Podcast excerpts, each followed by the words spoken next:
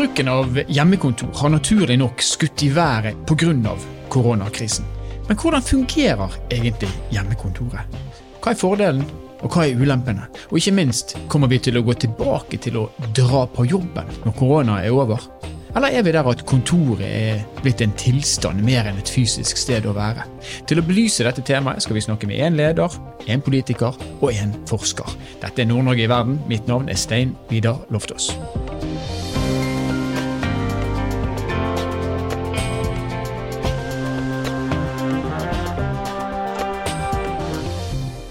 Sjefsforsker ved Sintef, Nils Bredemo, han har forska på hjemmekontor og produktivitet. og Det har han gjort bl.a. i selskap som Spotify, Eriksson og DNV GL. Og nå er han med oss på telefonen her. Velkommen og veldig fint å kunne være med oss, Nils Brede. Takk for det. Veldig hyggelig å kunne bli invitert til deg. Du, du har forska på hjemmekontor og produktivitet. og Hva viser denne forskningen? Eh, den viser vel at eh, i de selskapene jeg har jobbet, da, så har faktisk produktiviteten blitt bedre hos mange. Eh, litt bedre, men det varierer mye mellom fortsatt internt i selskapene. Det som er kanskje viktig å få med seg her, er at disse selskapene som jeg jobber med, de er vant til å jobbe digitalt. Mm. Så de er allerede digitale fra før. Så for de så var ikke overgangen så enorm til det hvor alle sitter eh, distribuert. Og Hvis du da umiddelbart eh, tenker at de digitale har et fortrinn, er det, er det grunn til å anslå at hjemmekontor ikke vil fungere for alle? Eh, det ser vi også i disse selskapene, at det ikke funker for alle. fordi det er kjempestor variasjon mellom team og enkeltpersoner. Det er noe helt annet å sitte hjemme med barn og familie, f.eks. Barnehagebarn, som noen har hørt. Mm. De har ikke fått gjort like mye. Eller andre situasjoner. De sitter på et knøttlite kontor eller ikke ha kontor i hele tatt, eller ikke ha internett. Så i de situasjonene fungerer det dårlig. Men eh, så klart, altså, det hjelper å være, være digital, være vant til, de, de, til, det digitale og ha gode verktøy og sånn, og er vant til å bruke samhandlingsverktøy. De klart har et fortrinn. Hva er da, sånn som du ser det, hva er de største fordelene et selskap kan ha gjennom å, å tilby hjemmekontorbruk til sine ansatte? Jeg tenker at for den enkelte så er det veldig stor fleksibilitet, eh, mindre reisetid, og så blir man ikke så mye forstyrra. Og det er jo det som vi har sett eh, som kanskje gir den økte produktiviteten. Det er litt færre møter, færre avbrytelser. Du får litt mer fokusert tid ja. til å gjøre den jobben du skal, du skal gjøre, og det, det setter pris, eh, folk veldig pris på. Ja. Men det finnes ulemper òg? Ja, i de, den jobben vi gjør nå, så ser vi at mange føler seg isolert. Mm. Så klart, Det er veldig mye vanskeligere å ta de raske avklaringene og de spontane møtene. Det er ofte de som gir fart i et selskap. Ikke, ikke, de planlagte møtene, men de uplanlagte. Og de er mye vanskeligere i den mm. settingen vi er i nå. Og så mister man litt informasjon om hva som foregår så treffer man jo ikke lenger folk tilfeldig. ikke sant? Hvor kaffemaskinen vann, eh, borte ved watercooler effect, som vi kaller det, de møtene skjer ikke. Ja. Og det er en ulempe. Men du har forska på, eh, på, ganske store selskaper. Spotify, DVGL nevnte vi. Kan man tenke seg at det vil være forskjell på effekten hos store, kjempestore bedrifter og hos uh, små bedrifter, som kanskje er den mest vanlige modellen i Norge? da? Jeg tenker at, uh, altså, Det vet vi ikke så mye om i vår forskning, men det vi ser, da, er at uh, det er litt forskjell på store enheter og små enheter. Altså store team versus små team. Så Hvis det er mindre enheter, så ser det ut som de fungerer bedre enn de store. Så er det kanskje et fortrinn for norske bedrifter, mindre bedrifter som har mindre team, mindre enheter, uh, mindre avdelinger. De kan nok få det til lettere enn de store, største selskapene, mm. vil jeg tro. da. Hva, med ledelseselementet? Altså, jeg vet at uh, mange ledere frykter litt for å, miste kontrollen, altså sagt, hvis man kan si det litt sånn forenkla på sine ansatte, hvis de skal være veldig mye på hjemmekontor. Eh, stiller det her en, altså, en ny type krav til det å være leder? Eh, det gjør det absolutt. Det viktigste er å huske på at man ikke skal øke kontrollen. De lederne som prøver å øke kontrollen, de vil oppleve at folk mister tillit. Eh, det går begge veier. Altså, man merker at man ikke har tillit da, når man begynner å kontrollere. Og jeg tenker at Hvis du stolte på folka dine på forhånd, så skal du i hvert fall stole på dem når du er hjemme. Og Det viser vår forskning også. Med en gang du på en måte begynner å kontrollere, så tror man at, ikke, at tillit ikke er der, og da reduseres produktiviteten. Oppstår en hel haug med andre problemer. Da. Men lederen, det vi har sett her, da, er at eh, bl.a. disse én-til-én-samtalene blir veldig viktige. For at folk har forskjellige problemer, utfordringer, og de må løses uh, på, en måte, på en annen måte nå når man ikke treffes fysisk. Så du som leder må være mye mer opptatt av å tilrettelegge for hjemmekontor, både teknisk og finne ut av hvilke type utfordringer den enkelte har. Da. Så det, det, stiller nye krav til lederen. Men så er jo det òg et annet aspekt, og det er jo selvledelsen. Altså de kravene man stiller til seg sjøl når man plutselig er på hjemmekontor. Har dere funnet ut hva, eh, hva er koden? Altså, hvordan klarer man å være produktiv, så produktiv som mulig når man er på hjemmekontor? Ja, Det er veldig interessant. da, for De vi har snakka med og sett på, eh, så ser vi at eh, de første ukene etter at folk flytta hjem, så var det veldig mange som sleit med å på en måte skille fritid fra jobb. Sleit med rutiner, sleit med å slutte arbeidsdagen. Og så kommer det en tid hvor man plutselig skjønner at det her er ikke bra, dette funker ikke. Og de som da ser ut som får det til godt, er de som får på plass veldig gode rutiner. Eh, og, og, og, klarer å styre dagen sin, klarer å ta pauser, som f.eks. mange slutter å gjøre. Ja. Eh, og, og, klarer å på en måte koble av, da. Og ikke går i en sånn total En, en, en, konstant eh, tåke og jobb, eh, fritid som blandes sammen. Et helt annet spørsmål det er det, altså det faktum at mange bedrifter har jo kan si, hatt hjemmekontor som et alternativ i, i mange år. Spesielt kanskje teknologibedrifter, mm. som du selv har vært innom. Men i, i, det offentlige Norge, altså staten Norge, hvor mye brukes hjemmekontor der? Det vet jeg ikke, egentlig. Altså, vi har ikke gjort noen undersøkelse på det. Men vi vet jo at uh, altså, de fleste selskaper, også offentlige, så er det jo tilrettelagt for at uh, du har teknologi for å jobbe hjemme. Så lenge så lenge du kan koble deg på systemene. Og, og veldig mange har jo nå flytta altså Staten fungerer jo selv om man sitter hjemme mm. Eh, etter covid-19. Ja. Eh, så det vet vi fungerer. Det som er litt sånn viktig å være klar over, da, tenker jeg at det, det, har vi sett i våre studier også, det kommer jo litt an på hva slags type arbeid du skal gjøre. Ja.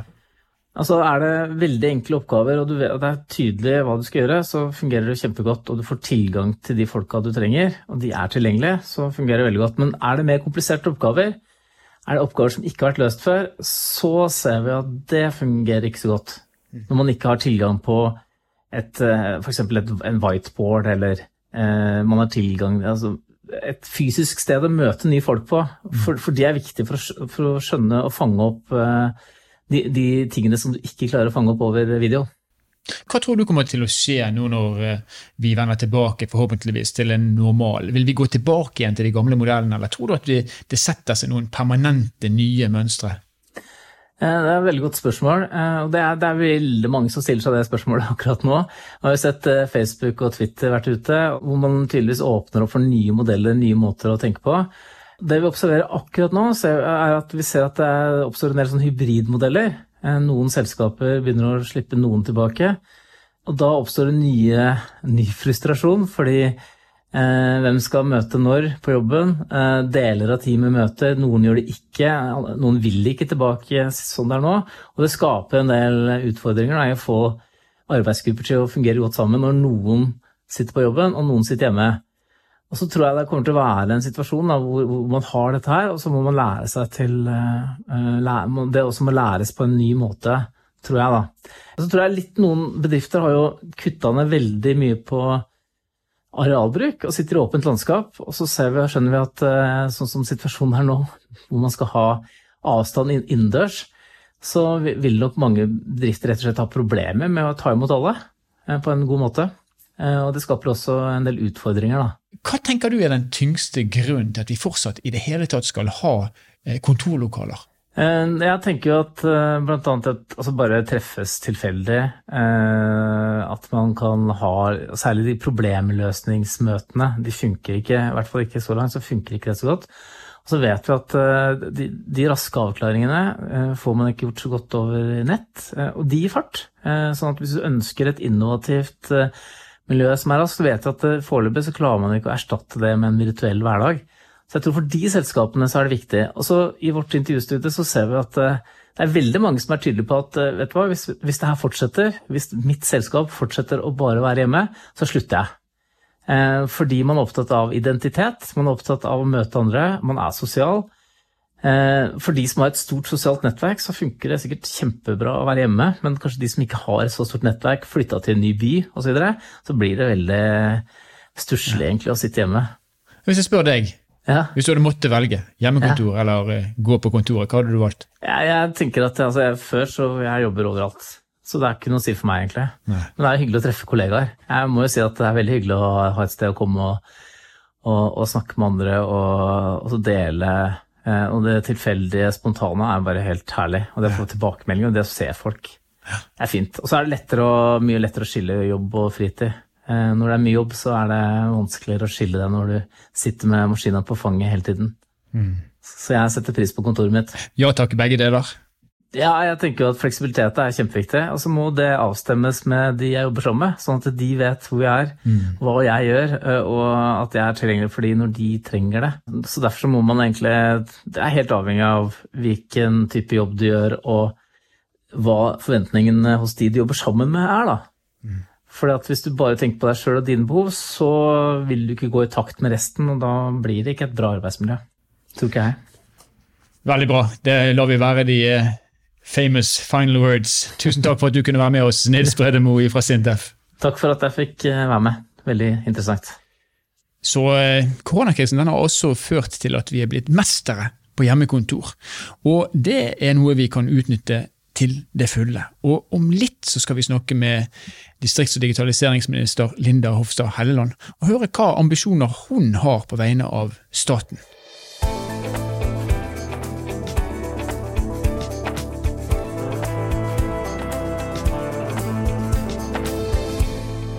Alta-firmaet SmartDoc de lager altså apper for prosjektstyring, retta spesielt mot eh, entreprenørbransjen. Og eh, Under koronakrisen så har de hatt alle sine ansatte på hjemmekontor. De har eh, 40 ansatte. De sitter i Alta, i Oslo, i Stockholm, i Ukraina, og har altså da vært på hjemmekontor under denne krisen. Og Utviklingssjefen i selskapet, Rune Haddal, han mener at dette her har vært nærmest utelukkende positivt. Og nå har vi Rune med oss på telefon. og Velkommen til oss, Rune. Takk. Eh, Rune, hvis jeg sier hjemmekontor, hva tenker du da? Ja, da, da tenker jeg i utgangspunktet at eh, det er noe som har hatt en kjempeeffekt for eh, oss i Smartlock, i, i, i hvert fall. Det har gitt oss nyttig erfaring, og gitt oss noen, noen veldig gode muligheter. Hvor, hvor mange har dere som, som bruker hjemmekontor fast? Vi er jo en organisasjon på, på 43 stykker totalt i, i SmartDoc, og vi stengte ned 13. mars med beskjed om at eh, alle jobber hjemme herfra.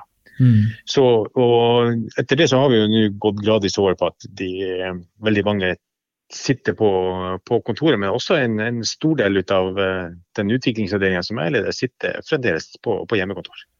Så man, I utgangspunktet så hadde ikke man planlagt for dette, her, men man har rett og slett sett at det fungerer så godt at det er ingen grunn til å gå tilbake igjen?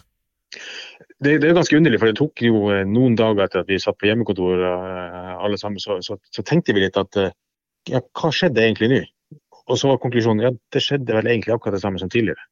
Altså, vi, vi, vi, vi jobber og vi er like produktive som, som tidligere. Vi kommuniserer på samme måte som tidligere. Vi er kanskje enda bedre på enkelte elementer som å involvere og dokumentere det vi driver. Ja. Er det noe som har blitt dårligere enn før? Det Man mister jo den her løse praten i, i korridorene eller på fellesarealer. og Stikke innom kontoret til en kollega og slå av en løs prat om det både faglig og ikke faglig art. Mm. Vi prøver å få det til, til oss, men, men litt av den dynamikken er jo litt vanskeligere å, å få til. Ja. Så kanskje er det sånn at eh, hjemmekontor kommer til å være et eh, alternativ, men at det ikke kommer til å avløse det tradisjonelle kontoret, kan du si, fast eller fullt og helt? Jeg tror akkurat det der eh, ordet du sa der, alternativ er en viktig bit. For så, så lenge du har alternativer å gå på et kontor, så er, virker det i hvert fall for, for vår del sånn at hjemmekontor fungerer veldig bra. Men det er behagelig å kunne, og, og viktig å kunne vite at det er en valgmulighet. For av og til så trenger man å ha litt, litt input og litt annen diskusjon også. Hva erfaringer hadde dere med bruk av hjemmekontor i ditt miljø i Alta før koronakrisen? Ja, nå er jo vi en organisasjon som, som, er vant til å jobbe på spredte lokasjoner. Vi har jo mange medarbeidere på, på, ulike lokasjoner, så, så, vi hadde veldig gode forutsetninger for å få det til. Vi har gode verktøy for kommunikasjoner, for chat. Vi dokumenterer alt på, på samme sted. Vi er veldig vant med å kjøre møter over eh, nett også med, med, med en eller eh, mange deltakere. Så vi hadde gode forutsetninger for, for, å få det til. og Det som vi kanskje har blitt enda bedre på, på nå, det er at vi har vel, sjelden hatt en bedre anledning til å forbedre og prosesser og rutiner enn det som det her har, har, har, gitt oss. For Det har blitt ganske åpenbart for alle hvilke områder som trenger forbedringer. Ja. Har dere gjort noe annet? Altså, du, sier dere hadde gode forutsetninger for det. og det er klart Dere jobber med en, altså den type eh, arbeidsoppgaver som eh, betyr at dere nødvendigvis er ganske digitale i utgangspunktet. Men har dere tilrettelagt noe når det gjelder utstyr på hjemmekontorene hos folk? Skjermer, tastatur og andre ting?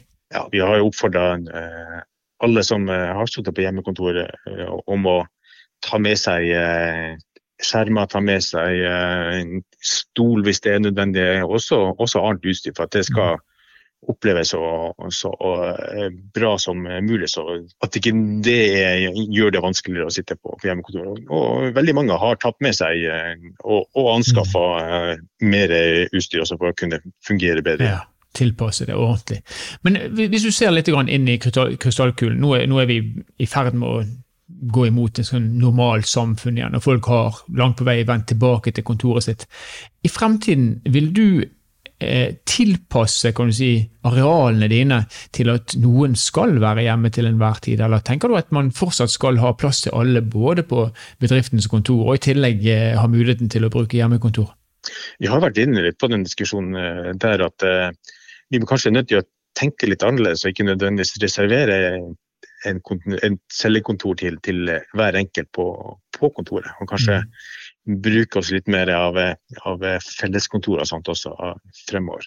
Og jeg tror ikke vi ikke bare skal legge til rette for hjemmekontor, men kanskje også for enkelte og i enkelte perioder oppfordre til det. Ja.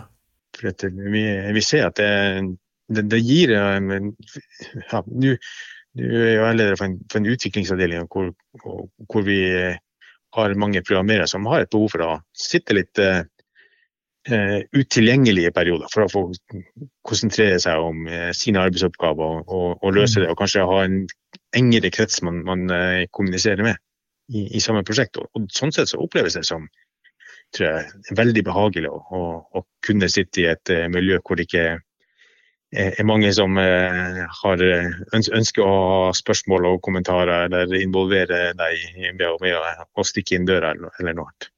Mm. Vi hører om et Nord-Norge som på mange områder sliter med å finne kvalifisert arbeidskraft. Når man kommer dit hen at man egentlig kan jobbe fra hvor som helst, eh, hva tenker du rundt rekruttering? Altså, ser du noen fordeler i forhold til å kunne få fatt i kvalifisert arbeidskraft?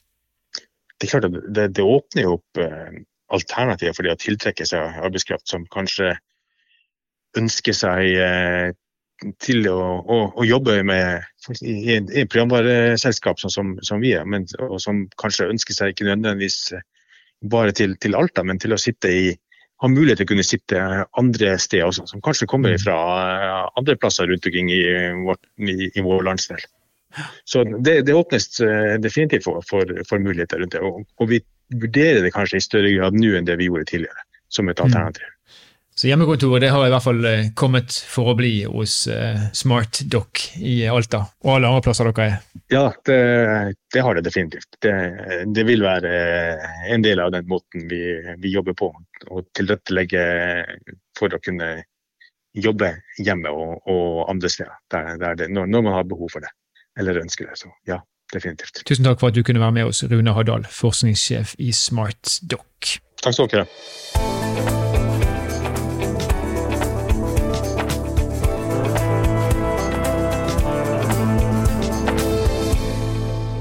Så da vet vi at eh, bruken av hjemmekontor den eh, har økt under den krisen vi har hatt, og vi vet at forskning tilsier at eh, det å jobbe fra hjemmekontor kan i mange tilfeller være vel så effektivt som det å sitte på et felles kontor.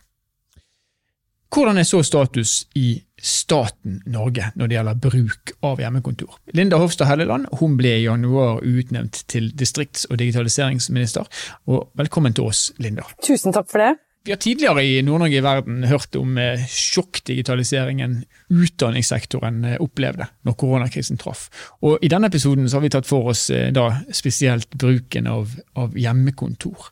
Men dette her digitaliseringssjokket, da, for å ta oss tilbake til en tidligere episode, hvordan har staten tenkt å kan man si, utnytte de synergiene som, som denne digitaliseringen har ført med seg? Det handler i stor grad om to ting om eh, kompetanse og det å ha tilgang på eh, nettet. Eh, det, det, å ha tilgang til internett er jo nettopp et resultat av at vi i mange år har jobbet for at alle skal ha rask og god tilgang til nett. og Derfor ligger Norge også i tet når det gjelder å tilby offentlige tjenester eh, mm. digitalt.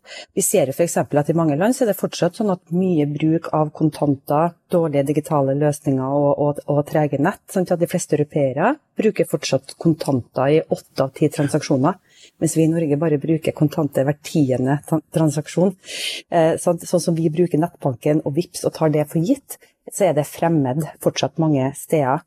Eh, og regjeringa er fortsatt nødt til å satse tungt på å bygge ut eh, bredbånd. Derfor så bruker vi også over 400 millioner nå på tilskudd til å bygge ut særlig de delene av distriktene der det ikke er kommersielt lønnsomt. Og bare i fjor så, så vi at kommersielle aktører har brukt over 12 milliarder til å investere i nett. Så det at alle skal få eh, tilgang til hurtigbredbånd, det er viktig.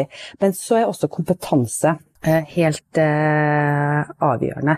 Eh, det er en viktig forutsetning som må på plass for at vi fortsatt skal eh, ligge i tet, eller i hvert fall ta på oss ledertrøya mm. i eh, Norge. Da er vi eh, avhengig av å bruke digitale verktøy i hverdagen vår. Heldigvis så er vi jo digitalt veldig moden, men koronakrisen har jo gjort noe med oss, ikke minst holdningen til hvor viktig det er å ha kjennskap og kunnskap eh, om bruken av digitale eh, tjenester. Og jeg tror også det har bidratt til en holdningsendring. Da, der eh, vi nordmenn er villige til å ta i bruk ny teknologi på en helt annen måte, og har tillit til at løsningene fungerer og er trygge å bruke. Så vi, vi, har et godt grunnlag. Men hvis du ser på, eh, du ser på hjemmekontorbruken isolert, da, som, da naturlig nok virkelig skjøt fart når alle måtte være hjemme eh, Mange store bedrifter løfter jo frem nå flere store fordeler med bruk av hjemmekontor. Hva tenker staten om det? Kommer staten til å legge mer til rette for,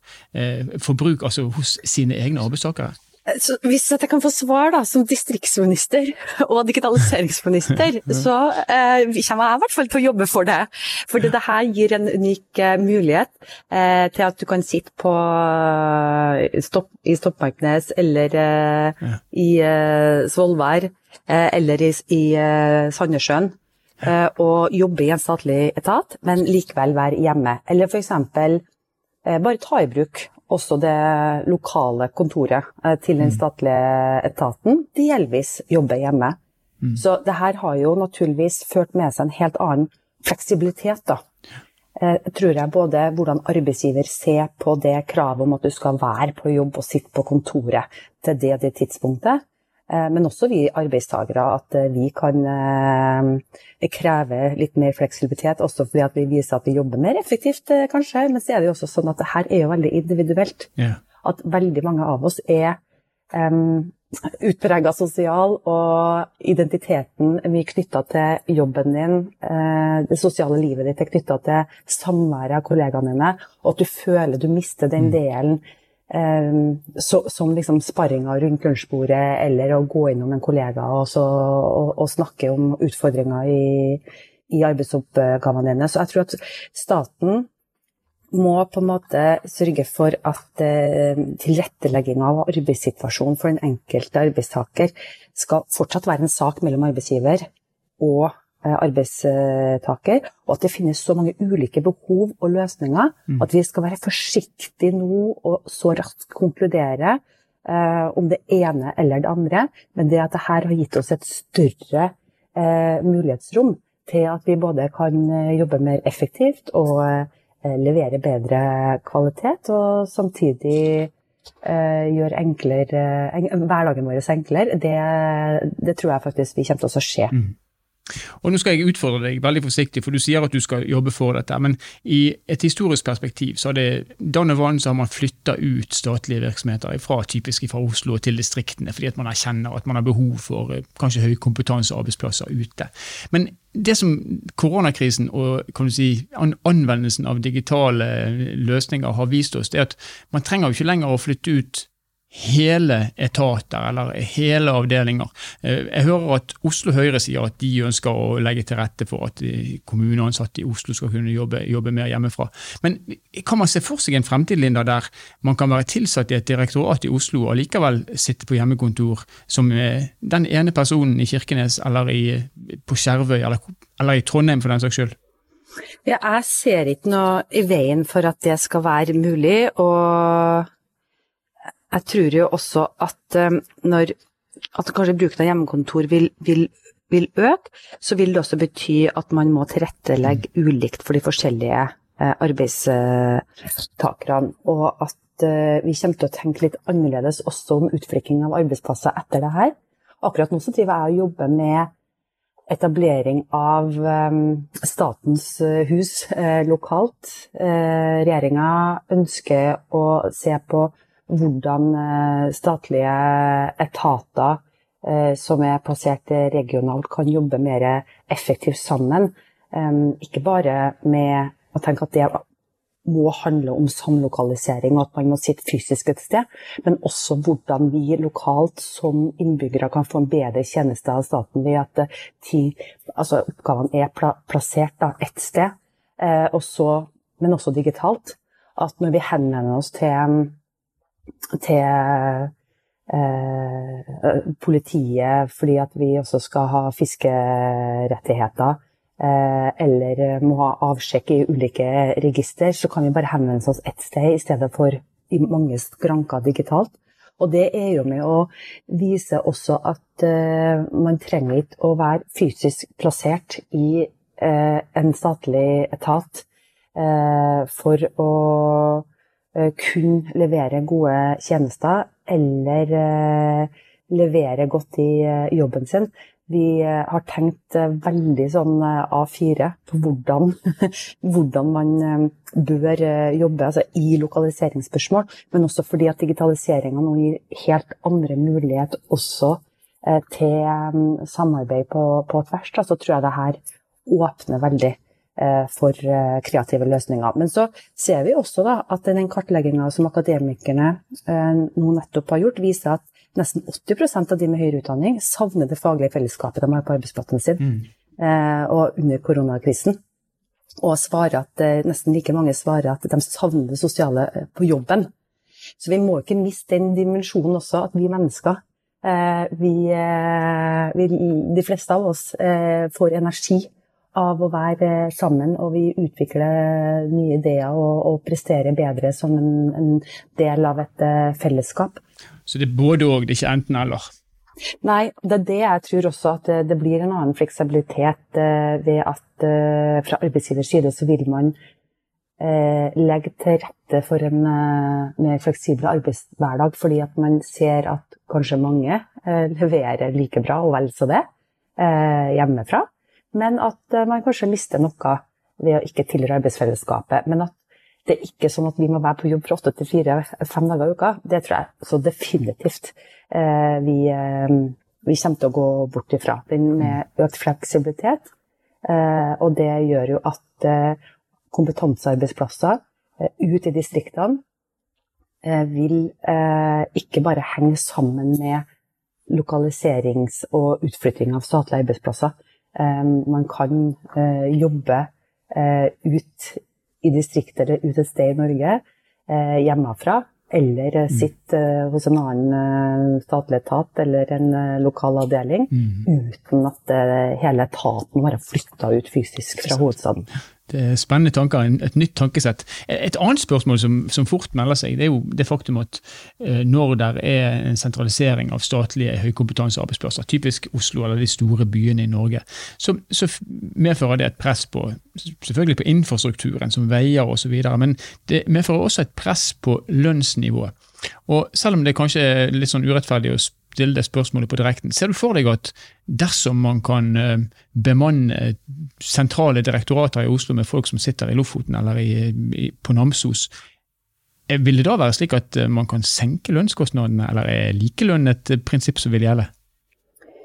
Altså, jeg synes at Dette er et veldig interessant spørsmål, fordi at befolkningskonsentrasjonen i, i byene har jo økt presset på boliger og arealutnyttelse, og det skaper jo også større konkurranse da, om arbeidskraften.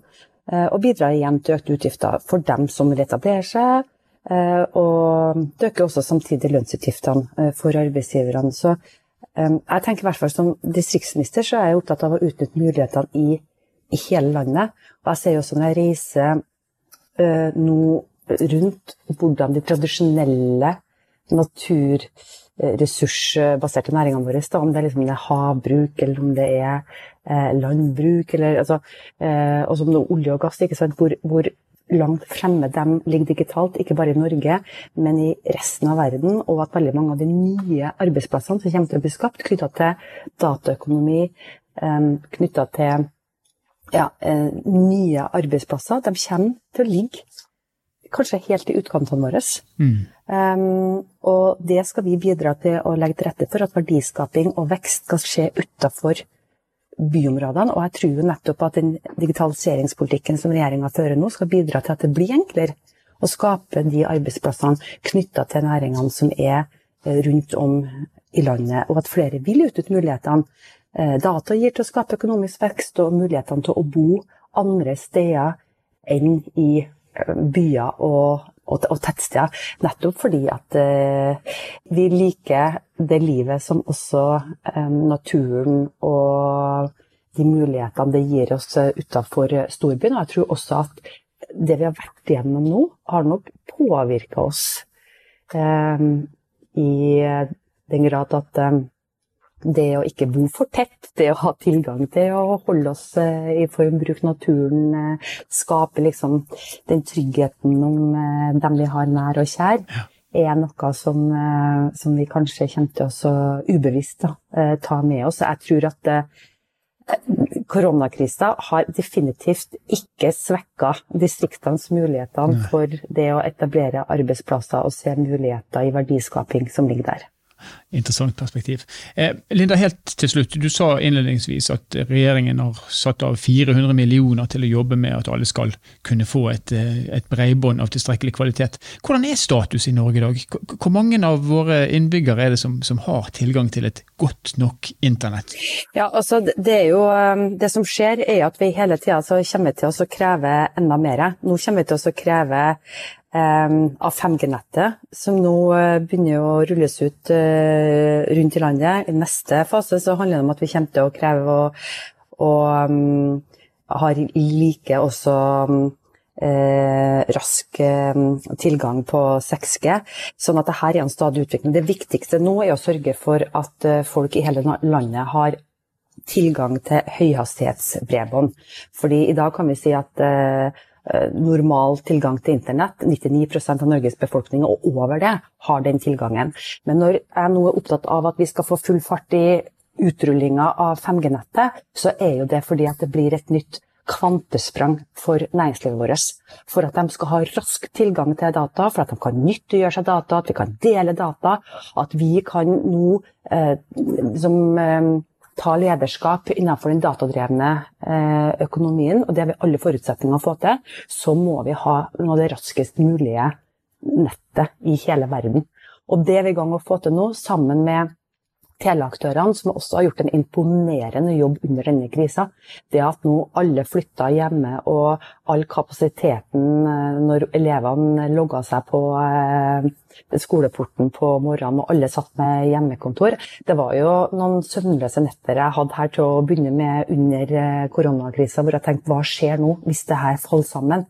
Ikke minst hvilken betydning det har for eh, beredskapssituasjonen. Men heldigvis så viste det seg at vi har en så godt utbygd digital eh, grunnmur, og vi har aktører og selskaper som jobber dag og natt. Eh, og som, som viser at i Norge så, så, er vi veldig privilegert eh, med både dekninga og hastigheten på nettene våre og, og beredskapen i dem. Sånn at eh, nå må vi bare satse videre, det offentlige og private sammen. Det er et godt samarbeid fra før, men nå skal vi ta enda og nå enda en ny milepæl, fordi at eh, det her gir oss muligheter til å skape nye arbeidsplasser. Og det er der vi skal ha all oppmerksomheten vår nå. Og digitaliseringa gir oss uante muligheter i sånn måte. Og Mer enn 99% har altså dekning, eh, og vi gir oss ikke med det. Og kanskje rundt neste sving så kan man jobbe i staten også, nesten uavhengig av hvor man måtte bo. Tusen takk for at du kunne være med oss, distrikts- og digitaliseringsminister Linda Hofstad Helleland.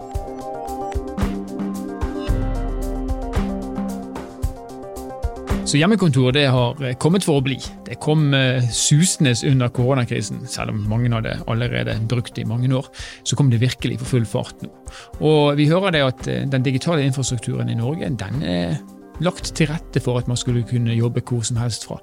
Mange bedrifter har opplevd høy produktivitet, og forskning viser at det sågar kan være enda mer produktivt å jobbe fra hjemmekontor. I hvert fall for enkelte bransjer. Og så hører vi da at eh, digitaliseringsministeren vår sier at eh, hun skal i hvert fall kjempe for at også i staten så skal det være mulig å jobbe hjemmefra. Og da snakker ikke man bare om å flytte hjem eh, på hjemmekontoret sitt i den byen der du allerede har hovedkontoret sitt. Man snakker kanskje om å flytte ut kompetansearbeidsplasser fra Oslo til Berlevåg, eller til Kirkenes, eller til Lofoten, eller til Egersund, for den saks skyld. Så får vi se da om eh, fremtiden eh, kommer til å fortelle oss at eh, det var mer enn bare en ambisjon, dette. Det er i hvert fall helt sikkert at en slik tanke den vil kunne redusere presset for infrastrukturen i Norge, og vi vet at infrastruktur er svindyrt. Kanskje vil den også kunne gjøre noe med lønnsnivået, fordi at arbeidskraft rett og slett i mange tilfeller er billigere i distriktene enn typisk i Oslo. Nord-Norge i verden er en podkastserie som er laga av Sparebank1 Nord-Norge i samarbeid med Helt Digital.